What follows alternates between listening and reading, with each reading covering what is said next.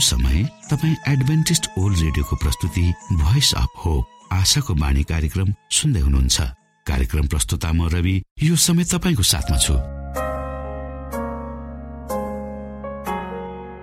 भनिएको छ पापको कारण मानिसका हृदय जन्मेदेखि दुष्टतातर्फ ढल्किएको हुन्छ।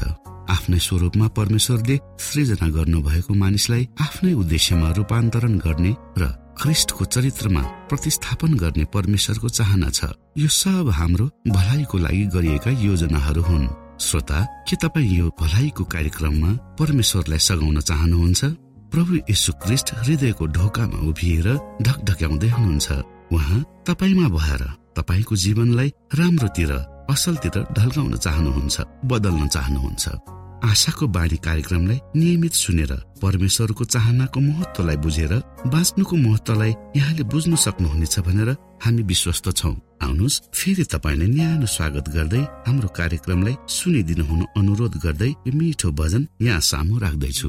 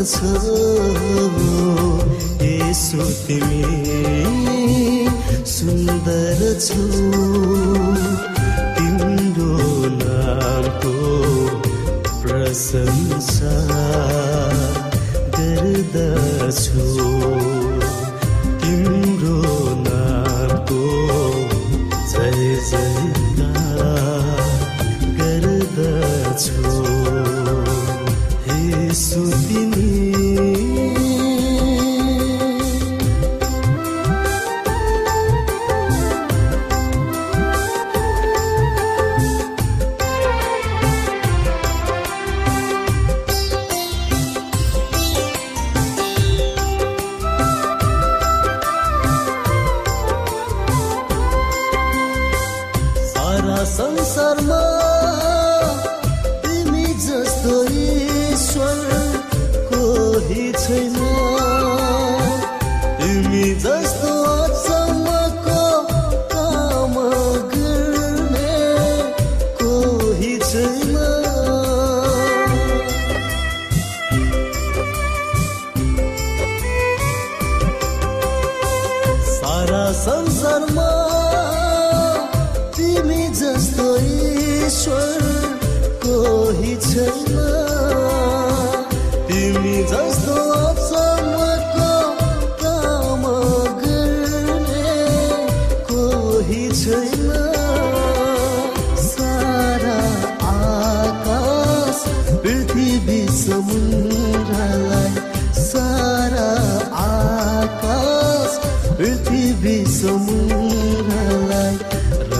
नागर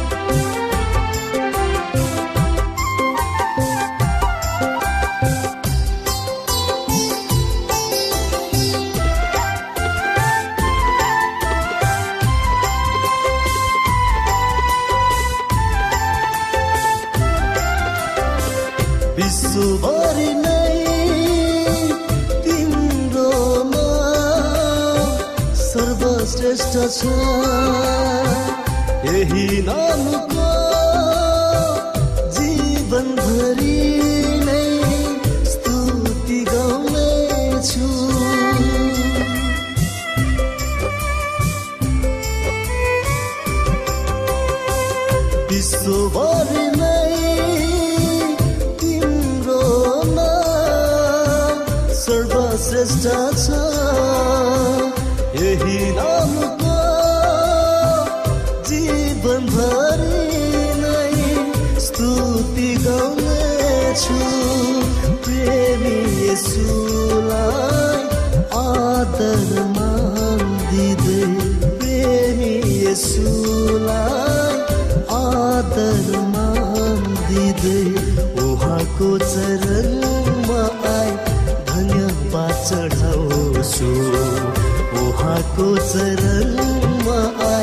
धन्यवाद चढाउँछु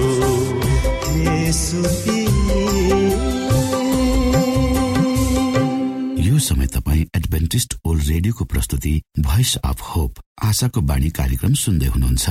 श्रोता मित्र यो समय हामी पास्टर उमेश पोखरेलबाट आजको बाइबल सन्देश सुन्नेछौ। श्रोत साथी न्यानो अभिवादन साथ म तपाईँको आफ्नै आफन्त अर्थात् पास्टर उमेश पोखरेल। परमेश्वरको वचन लिएर यो रेडियो कार्यक्रम मार्फत पुनः तपाईँहरूको घर आँगनमा उपस्थित भएको छु। श्रोता मलाई आशा छ तपाईँले हाम्रा कार्यक्रमहरूलाई नियमित रूपमा सुन्दै हुनुहुन्छ र परमेश्वर को हुनुहुन्छ भनेर आफ्नै जीवनद्वारा अनुभव गर्दै हुनुहुन्छ। श्रोता आउनुहोस् आजको प्रस्तुतिलाई पस्कनुभन्दा पहिले हामी परमेश्वरमा अगुवाईको लागि बिन्ती राख्नेछौँ। जीवी जिउँदो महान दयालु परमेश्वर प्रभु हामी धन्यवादी छौँ यो जीवन र जीवनमा दिनुभएका प्रशस्त आशिषको लागि। प्रभु यो रेडियो कार्यक्रमलाई म तपाईँको हातमा राख्दछु। यसलाई तपाईँको राज्य र महिमाको प्रचारको खातिर तपाईँले प्रयोग गर्नुहोस् ताकि धेरै मानिसहरूले यो कार्यक्रम मार्फत तपाईँको ज्योतिलाई देख्न सकुन् र तपाईँको राज्यमा प्रवेश गर्न सकुन्। यसबाट तपाईँको महिमा होस्। सबै बिन्ती प्रभु यीशुको नाममा। आमेन।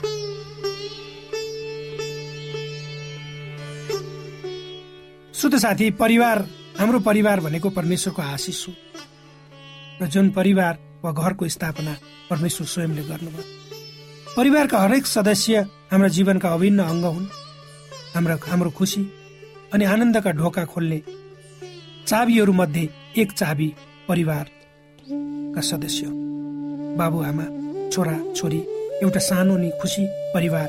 त्यस्तै बाबुआमा छोराछोरी हजुरबा हजुरआमा काका काकी आदि सबै एउटै घरमा बस्ने ठुलो परिवार।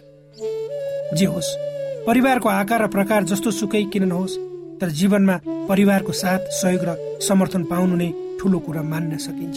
आजको समयमा जुन घरमा आशिषहरूका निम्ति ठुला बडाका हातहरू उठ्छन् अनि ज्ञान बुद्धिका निम्ति अर्थी बुद्धि आमा बुबा र ठुला बडा हुन्छन् साँच्चै नै त्यो घर सुन्दर मन्दिर बन्न सक्छ। जसका घरका छोराछोरीले सधैँ आमा बाबुको कुरालाई पछ्याउँछन् र उनीहरूले देखाएको बाटोमा हिँड्छन् तिनले नै जीवनमा समशक्ति र ज्ञान बुद्धि प्राप्त गर्न सक्छ। श्रोत साथी जसले आफ्ना बुबा आमा बुबाको अर्थीलाई आफ्नो कार्य हतियार बनाउँछन् अनि मातृ स्नेहले हृदयलाई कोमल बनाएर जीवनमा अघि बढ्छन् तिनका पाइला कतै ठोकिनु भन्दा पूर्व नै परमेश्वरले सम्हाल्नुहुन्छ। जब हामी उमेरमा अनि कदमा बढ्दै जान्छौँ हामीलाई धेरै कुराहरू प्राप्त गर्ने मन लाग्छ। अनि जीवन चलाउन तिनलाई प्राप्त पनि गर्नै पर्ने हुन्छ तर जीवनका ती अभिलाषाहरू मध्ये हाम्रो मुख्य प्रमुख उद्देश्य भनेको श्रेष्ठ ज्ञान बुद्धि प्राप्त गर्ने नै हुनुपर्छ। किनकि ज्ञान अनि बुद्धिले नै बाँकी जीवनका लक्ष्य प्राप्त गर्ने बाटोहरू खोल्दैछन्। प्रत्येक बाल बालिकाको पहिलो पाठशाला आफ्नो घर अनि सिकाउने प्रथम गुरु उनका पिता र माता नै हुने गर्दछ। आजको बाल बालिकामा कस्तो ज्ञान बुद्धि र अर्थीले प्रभाव पारिरहेको छ र उनीहरूको भविष्य अनि लक्ष्य त्यसैबाट निर्धारित हुन्छ। त्यसैले सही अर्थी दिने पिता अनि त्यसको मान राख्ने सन्तान भएको घरमा सन्तान निम्न वर्गको परिवारमा नै जन्म लिए तापनि उच्च पदहरूमा रहेर काम गरेको हामी थुप्रै उदाहरणहरू देख्न सक्छौँ। हाम्रै घर परिवारमा हाम्रै छिमेकीमा। तर अचम्मका कुरा कतिपय असल कुल घरान अनि मौका र अवसरहरू नै कै बीचमा हुर्किएका बालबालिका पनि जीवनमा पछि गएर पछि पर्दछन्। बाबुआमाको अर्थी र उपदेशलाई सुन्नै मन नरा नलाग्ने गाली गलौचाको शब्दसँग तुलना गर्ने जीवन आफ्नै पारामा हाँक्न खोज्ने हठी घमण्डी अनि मै श्रेष्ठौँ भन्ने भावनाले ओतप्रोत भएका मानिस नै वास्तवमा असफलताको पूर्ण जीवन जिउने बाध्य हुन पुग्दछन्। किनकि उनीहरूले जीवनमा एकपटक लडेपछि दोहोऱ्याएर कसरी उठ्ने भन्ने अर्थीलाई पहिले नै लत्याएका हुन्छन्। अब आफ्नै बुद्धिले समाधानको बाटो खोजी भेटाउँछ तब समय धेरै अगाडि नै जीवन चाहिँ यहाँनिर अल्झेर गइसकेको हुन्छ। श्रोत साथी पवित्र धर्मशास्त्र बाइबलले आफ्नो आमा बुबाको पहिलो आधार उनीहरूको अर्थी उपदेश र भावनाको कदर गरेर मात्र हुन सक्छ हामीसँग हाम्रा आमा बुबाको अर्थी सुन्ने समय हुनै पर्छ। चाहे कपाल फुलेर सेते किन नहोस् तर आफ्ना हाम्रा आमा बुबाको आज्ञाको ज्ञानको अगाडि हामी कच्चै छौँ। किनकि संसार हामीले भन्दा उहाँहरूले बढी देख्नु भएको छ अनि व्यवहारिक रूपमा त्यसको लेखाजोखा राख्नु भएको होला। आजका युवा पुस्ताले नयाँ नयाँ प्रविधिद्वारा धेरै ज्ञान गुणका कुराहरू सिके तर जति सिके ती किताबी ज्ञानहरू मात्र हुन्। आखिरमा जीवनमा महत्व सैद्धान्तिक ज्ञानकै हुन्छ जसलाई जीवनमा उपयोग गर्न सिकाउँछ। हामी नयाँ प्रविधिको आडमा हाम्रा पिता र पुर्खाको ज्ञान र अर्थीलाई तुच्छ ठान्दछौँ। तर आविष्कारले त्यही पुर्खाहरूको अर्थी ज्ञान र बुद्धिको सदुपयोग गरेर नयाँ आविष्कारलाई जन्म दिएको हुन्छ। तिनले त ठुलाको अर्थीलाई तुच्छ ठान्दैन तर त्यसलाई प्रयोग गर्नेहरूले भने आफूलाई खुब ज्ञानी सम्झी अरूलाई तुच्छ ठान्दछन्। किनकि तिनमा ज्ञानको कमी छ। हामीले जमिनमा जस्तो फलको बिउलाई रोप्दछौँ आखिर फल त्यस्तै फल्दछ। यदि गुलियो स्वाद दिने फल रोप्दछौँ भने निश्चय नै त्यहाँ गुलियो नै फल फल्दछ। त्यस्तै हाम्रा पिता माताका ज्ञान जीवनको त्यो गुलियो फल फलाउने बिउ हो जसले निश्चय नै जीवनमा मिठास ल्याउनेछ। बाइबलका लेखकहरू मध्ये राजा सोलुमनले हितोपदेश भन्ने पुस्तकमा भन्दछन् हे मेरा छोराहरू। आफ्नो बुबाको अर्थी सुन। त्यसमा यसमा ध्यान देऊ र समशक्ति प्राप्त गर। साँच्चै हितोपदेश भन्ने पुस्तक चार अध्यायको दसदेखि तेह्रमा राजा सुलुमन अरू थप कुरा यसरी भन्नुहुन्छ। सुन हे मेरा छोरा मैले भनेको कुरा ग्रहण गर र तेरो जीवन दीर्घायु हुनेछ। म तँलाई बुद्धिको बाटो सिकाउँछु र ठिक बाटोमा डोर्याउँछु। त हिँड्दा तेरा पाइलाहरू अड्किने छैनन्। त दगुड्दा लर्बने नै छैनस्। अर्थीलाई समाति राख त्यसलाई उम्कन नदे त्यसलाई राम्ररी पालना गर। किनभने त्यो तेरो जीवन हो। यहाँ सोलोमनले आफ्ना सन्तानहरू आफ्नो पिताको अर्थीलाई सुन सुन। सुनेर मनमा गुण भनेर जीवनमा लागू गर्नुपर्ने कुरालाई स्पष्ट पारेका छन्। अर्थीलाई नै राजा सोलोमनले समशक्ति प्राप्त गर्ने स्रोत अनि जीवनको रूपमा परिभाषित गरेको हामी पाउँछौँ। राजा सोलोमनले आफूले दिएको अर्थीलाई जीवनभरि थमाइराख र त्यसलाई उम्कन नदेऊ र हरेक अर्थीलाई ग्रहण गरेर तिम्रा आँसु तिम्रो आयु दीर्घायु हुनेछ भनेर भन्छन्। यसको अर्थ अर्थी सुन्नको महत्व के रहेछ भनेर हामीले बुझ्नुपर्छ साथै जसले अर्थी सुन्नेछ त्यसलाई बुद्धिको बाटो सिकाउने छु अनि जीवनमा त्यो लड्ने छैन दौडाउँदा लर्बने छैन भने उनले हौसला दिन्छन्। एक पिताको हौसलाले एक पिताको हैसियतले अर्थी बाँड्नु एउटा कर्तव्य हो बाइबल धर्मशास्त्रका अनुसार राजा सोलोमन ती व्यक्ति हुन् जसलाई परमेश्वरले ज्ञान र बुद्धिमा संसारकै श्रेष्ठ तुलाउनु भएको छ। राजा सोलोमनले परमेश्वरबाट प्राप्त ज्ञान र बुद्धिलाई यी पदहरू मार्फत हामीलाई अर्थीको रूपमा बाँड्नु भएको छ। यसको अर्थ जसरी उहाँले हे मेरा छोराहरू मेरो अर्थी अर्थात् बाबुको अर्थी सुन भनी आह्वान गर्नु भएको छ। त्यसरी नै उहाँले आफ्नो परमेश्वर पिता अनि आफ्नो सांसारिक पिता दाउदको अर्थी उपदेशलाई सुनेर आत्मसात गर्नु भएको छ भने बुझ्न सकिन्छ। श्रोत साथी राजा दाउदले परमेश्वरको अर्थीलाई आत्मसात गर्नुभयो तब उहाँ साधारण गोठालोबाट राजगद्दीमा बसालिनु भयो त्यस्तै जब राजा सोलोमनले दाउदको अर्थीलाई बुझेर परमेश्वरसँग ज्ञान बुद्धि माग्नुभयो तब उहाँले परमेश्वरबाट बुद्धिमा श्रेष्ठको आशिष पाउनुभयो तब राजा र राजा त सोलोमन। त्यसै हुनुहुन्थ्यो तर परमेश्वरसँग झुक्नु पर्ने विनम्र बन्नुपर्ने पिताको अर्थीले राजा सोलोमन। संसारकै ज्ञान र बुद्धिले श्रेष्ठ राजा बन्न सफल हुनुभयो। आज त्यही बुद्धिले श्रेष्ठ पूर्ण व्यक्तिले नै हामीलाई सिकाउँदै हुनुहुन्छ कि आफ्ना बाबुको अर्थीलाई सुन किनकि त्यही तिम्रो जीवन हो। के आज हामीले हाम्रो पिता माता अनि ठुला बडाको अर्थीलाई सुनेका छौँ त? छौँ भने अति खुसीको कुरो हो। यदि छैनौँ भने आजदेखि हामी प्रार्थना गरौँ। परमेश्वरलाई भनौँ र परमेश्वरलाई अनुग्रह गरौँ अनि उहाँको अर्थी उपदेशलाई सुन्न सक्ने धैर्यता तपाईँ हामीलाई परमेश्वरले दिनुहोस् भनेर प्रार्थना गरौँ ताकि त्यसलाई उपयोग गरी हामी आफ्नो घरमा आफ्नो जीवनमा शान्ति स्थापना गरी आफ्नो जीवनलाई सफलताको बाटोमा डोहोऱ्याउन सकौँ। परमेश्वरले यी वचनहरूद्वारा तपाईँ र मलाई आशिष दिउन्। श्रोता भर्खरै यहाँले पास्टर उमेश पोखरेलबाट बाइबल वचन सुन्नुभयो। यो समय तपाईँ एडभेन्टिस्ट ओल्ड रेडियोको प्रस्तुति भोइस अफ होप आशाको बाणी कार्यक्रम सुन्दै हुनुहुन्छ। कार्यक्रम सुनेर बस्नुहुने सबै श्रोतालाई हामी हाम्रो कार्यक्रममा स्वागत गर्न चाहन्छौ।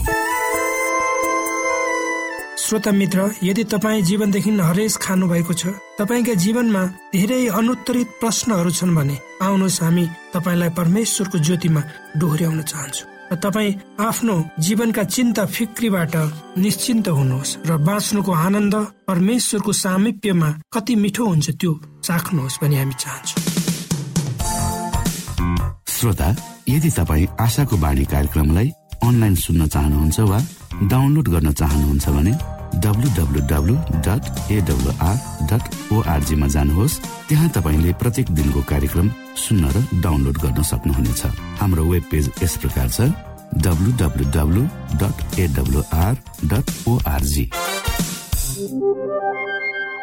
श्रोता यदि तपाईँ हामीसित सिधै फोनमा सम्पर्क गर्न चाहनुहुन्छ भने हाम्रा नम्बरहरू यस प्रकार छन्। अन्ठानब्बे एकसाठी पचपन्न शून्य एक सय बिस।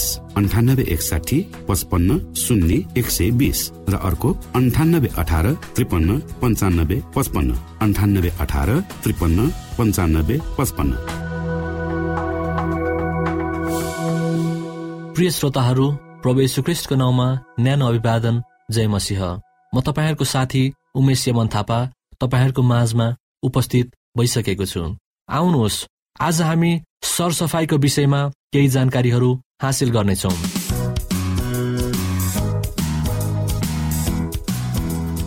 छालालाई सफा राख्नाले शरीरबाट विकार वस्तुहरू निष्कासन हुनुमा मद्दत पुर्याउँदछ। जुन छालाको छिन्द्रहरू मार्फत बाहिर आउँदछ। सचेत सरसफाई शारीरिक र मानसिक स्वास्थ्य दुवैको निम्ति महत्वपूर्ण छ। शरीरबाट छाला मार्फत निरन्तर रूपमा विकार वस्तुहरू निष्कासित भइरहेको हुन्छ। छालालाई बारम्बार नुहाएर सफा नरहेको खण्डमा यस्तै लाखौँ छिन्द्रहरू चाँडै नै टालिदिन्छ र जुन विकार वस्तुहरू छालाबाट निष्कासित हुनुपर्ने हो सो अन्य निष्कासन अङ्गहरूका निम्ति थप बोझ बन्न पुग्दछ। लुगालाई पनि सफा राख्नु महत्वपूर्ण छ। छालाको छिन्द्रहरू मार्फत निष्कासित हुने विकार वस्तुहरू पनि हामीले लगाउने लुगाहरूमा सोचिन पुग्दछ। र यदि तिनीहरूलाई बारम्बार फेरिएन भने वा धोइएन भने विकार वस्तुहरू पुनः छालामा नै सोचिन्छन्। प्रिय मित्रहरू आउनुहोस्। अब हामी घर वरिपरिको सरसफाइको विषयमा केही बुझौँ। उत्तम स्वास्थ्यको निम्ति शरीर र लगाउने वस्त्रको सचेत सरसफाइ मात्र होइन तर आफू बस्ने घर र आँगनलाई पनि सफा राखिनु आवश्यक पर्छ। फोहोर घर र आँगनलाई रोगहरूको प्रमुख स्रोत नै हो भनी सम्झिनुपर्छ। हरेक रूपमा फोहोरीपनले रोगलाई निम्त्याउँदछ। प्राणघातक किटाणुहरू अन्धकार व्यवस्था गरी छाडिएको कुनाहरूमा अनि सडे गलेका फोहोर वस्तुहरूमा ओसिलो र ढुसी परेको ठाउँहरूमा प्रशस्त मात्रामा पाइन्छन्। घर वरिपरि कुनै पनि खेर गएको तरकारी वा खसेको पातहरू जम्मा हुन दिनु हुँदैन जुन सडेर जान्छन् र हावाहरूलाई दूषित तुल्याइदिन्छन्। घरभित्र कुनै पनि फोहोर वा सडे गलेका कुराहरू जम्मा हुन दिनु हुँदैन। पूर्ण रूपले स्वस्थ मानिएको गाउँ अथवा सहरमा पनि ज्वरो तथा कैयो संक्रामक रोगहरूका कारण कुनै लापरवाही परिवारको घर वरिपरि भएका सडे गलेका वस्तुहरू नै हो भनी पत्ता लगाइएको छ। प्रिय श्रोता मित्रहरू अब हामी रोग फैलावटको रोकथाम कसरी गर्न सकिन्छ भनेर हेर्नेछौँ। सर्वप्रथम त चर्पीमा गएर आएपछि खानु वा पकाउनु अघि जनावरहरू तथा बिरामीहरूलाई छोएपछि हातलाई साबुन वा खरानी लगाएर धुने गर्नुपर्दछ। दोस्रो प्रत्येक घरमा घरभित्रै वा घर बाहिर एक राम्रो ढल निकास भएको चर्पी हुनुपर्छ र चर्पी बनाउँदा त्यसको निकास इनार पानीको मुहान र खोलादेखि कम्तीमा पनि बिस मिटर टाढा हुनुपर्छ। चर्पीमा राम्रो प्रकारको ढकनीको प्रयोग गरिएको शौचालयमा हरेक पटक दिशा बस्न साथ त्यहाँ खरानी छर्कने गर्नाले दुर्गन्धलाई हटाउन मद्दत पुर्याउँदछ। तेस्रो जुन स्थानमा जनावरहरू हिन्डुल गर्दछन् वा जहाँ कुनै समय जनावरहरू राखिएका थिए त्यस स्थानमा खाना नपकाउ नपकाउनुहोस्। खाना पकाउनको निम्ति छुट्टै भान्सा कोठा हुनु वा खाना पकाउने चुलो अग्लो स्थानमा हुनु अति नै महत्वपूर्ण छ ताकि खाना तयार पारिने स्थानमा जनावरहरू जान नसकोस्। चौथो जुन ठाउँमा अन्य खानेकुराहरू तयार पारिन्छ त्यही ठाउँमा मासु सफा नगर्नुहोस्। यसको निम्ति अलग्गै ठाउँ हुनुपर्दछ। यो ठाउँ अति नजिक हुनु हुँदैन किनकि मासुबाट अन्य खाद्य वस्तुहरूमा रोग सजिलै सर्न सक्दछ। तसर्थ सम्भव भएसम्म धेरै रोगहरू परजीवहरू र जुकाहरूलाई मार्नको निम्ति मासुलाई राम्रोसित पकाउनु पर्छ मासु छोएको हातले अन्य चिजहरू छुनु अगाडि साबुन पानीले राम्रोसँग हात धुनु पर्दछ पाँचौँ बचेको तरकारी खानेकुराहरू र मासुका टुक्राहरू राम्रोसित गाड्ने गर्नुपर्दछ र राम्रोसित छोपिएको छ कि छैन भने निश्चित गरिनुपर्छ। यदि प्रत्येक भोजन सेवन पश्चात तपाईँ फोहोर वस्तुहरू गाड्न चाहनुहुन्न भने त्यसलाई गाड्ने समय नभ्याएसम्म कसिने ढकनी भएको बाल्टीभित्र जम्मा गरेर राख्नु पर्दछ फोहोर मैलाहरू र खेर गएका खानेकुराहरूलाई खुल्ला मैदानमा त्यत्तिकै कहिले पनि नफाक्नुहोस्। छैटो घर र आँगन बढार्ने क्रममा जम्मा भएको सबै फोहोर कसिङ्गरहरूलाई जम्मा गरेर फोहोर फाल्ने कन्टेनरमा फाल्नुपर्छ वा एक ठाउँमा जम्मा गरेर जलाउने गर्नुपर्छ। यसलाई बढारेर गल्लीमा वा आँगनको छेउमा त्यत्तिकै कहिले पनि फ्याल्नु हुँदैन। सातो पात पतिङ्गर घाँसपात र अन्य वनस्पतिजन्य फोहोर मैलाहरूलाई घरबाट टाढा एक ठाउँमा गाडेर कम्पोस्ट मल बनाइनु पर्छ वा ढुसी आउन नपाओस् र घरमा विभिन्न रोगहरू उत्पन्न हुन नपाओस् भनी जलाइनु पर्छ आठो घरबाट पानीलाई होसियारपूर्वक निकास गरिनुपर्छ ताकि घरको नजिकै पानी जमेर बस्न नपाओस्। धारा इनार छाना र आँगनबाट पानीलाई होसियारपूर्वक निकास गरिनुपर्छ ताकि पानी जमेर रोग र लामखुट्टे बढ्न पाउने छैन। नो खोक्दा वा हाछ्यौँ गर्दा सधैँ नाक तथा मुख छोप्ने गर्नुपर्दछ। र अन्तिम सजिलैसँग एक व्यक्तिबाट अर्को व्यक्तिमा सर्न सक्ने रोगहरू जस्तै रुगा खोकी झाडा पखाला र अन्य सर्व रोगहरू लागेको बिरामीहरू निरोगी व्यक्तिहरूदेखि अलग्गै ठाउँमा सुत्नुपर्छ र भोजन तयार गर्ने काममा कदापि सहभागी हुनु हुँदैन पूर्ण सरसफाइ प्रशस्त घाम तथा पारिवारिक जीवनको सरसफाइ प्रति चनाखो सावधानी जस्ता कुराहरू रोगहरूबाट छुटकारा पाउनु तथा परिवारका सदस्यहरूका खुसी र उत्साहको निम्ति एकदमै महत्वपूर्ण छन्।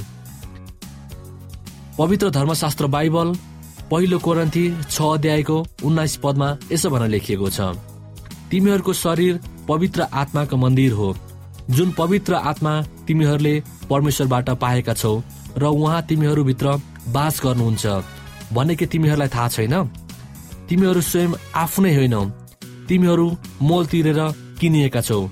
यसकारण तिमीहरूका शरीरमा परमेश्वरको महिमा गर।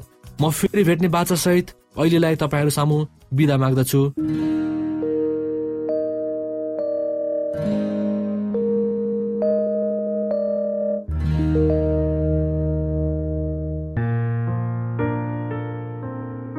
श्रोता घडीको सुईले समय सकिन लागेको संकेत गरिसकेको छ?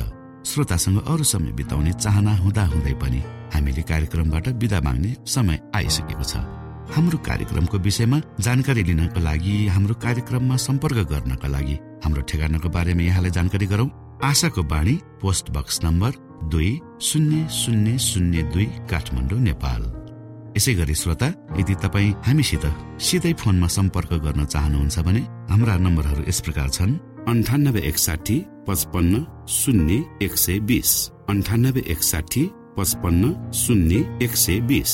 र अर्को अन्ठानब्बे अठार त्रिपन्न पन्चानब्बे पचपन्न। अन्ठानब्बे अठार त्रिपन्न पन्चानब्बे पचपन्न। श्रोता तपाईँ हामीलाई इमेल पनि गर्न सक्नुहुन्छ। हाम्रो इमेल एड्रेस यस प्रकार छ। Nepal at AWR dot ORG Nepal at AWR dot ORG यदि तपाईँ हामीलाई अनलाइन सुन्न चाहनुहुन्छ वा डाउनलोड गर्न चाहनुहुन्छ भने तपाईँ W W W dot AWR dot ओआरजीमा जानुहोस् र त्यहाँ तपाईँले हाम्रो सबै कार्यक्रमहरू सुन्न सक्नुहुनेछ। हवस् त श्रोता हाम्रो कार्यक्रम सुनिदिनु भएकोमा एकचोटि फेरि यहाँलाई धन्यवाद दिँदै भोलि फेरि यही स्टेशन र यही समयमा भेट्ने बाजा गर्दै प्राविधिक साथी राजेश पास्टर उमेश पोखरेल र कार्यक्रम प्रस्तुता म रवि यहाँसँग विदा माग्दछौ। परमेश्वरले तपाईँलाई धेरै धेरै आशिष दिनु भएको होस्। नमस्कार।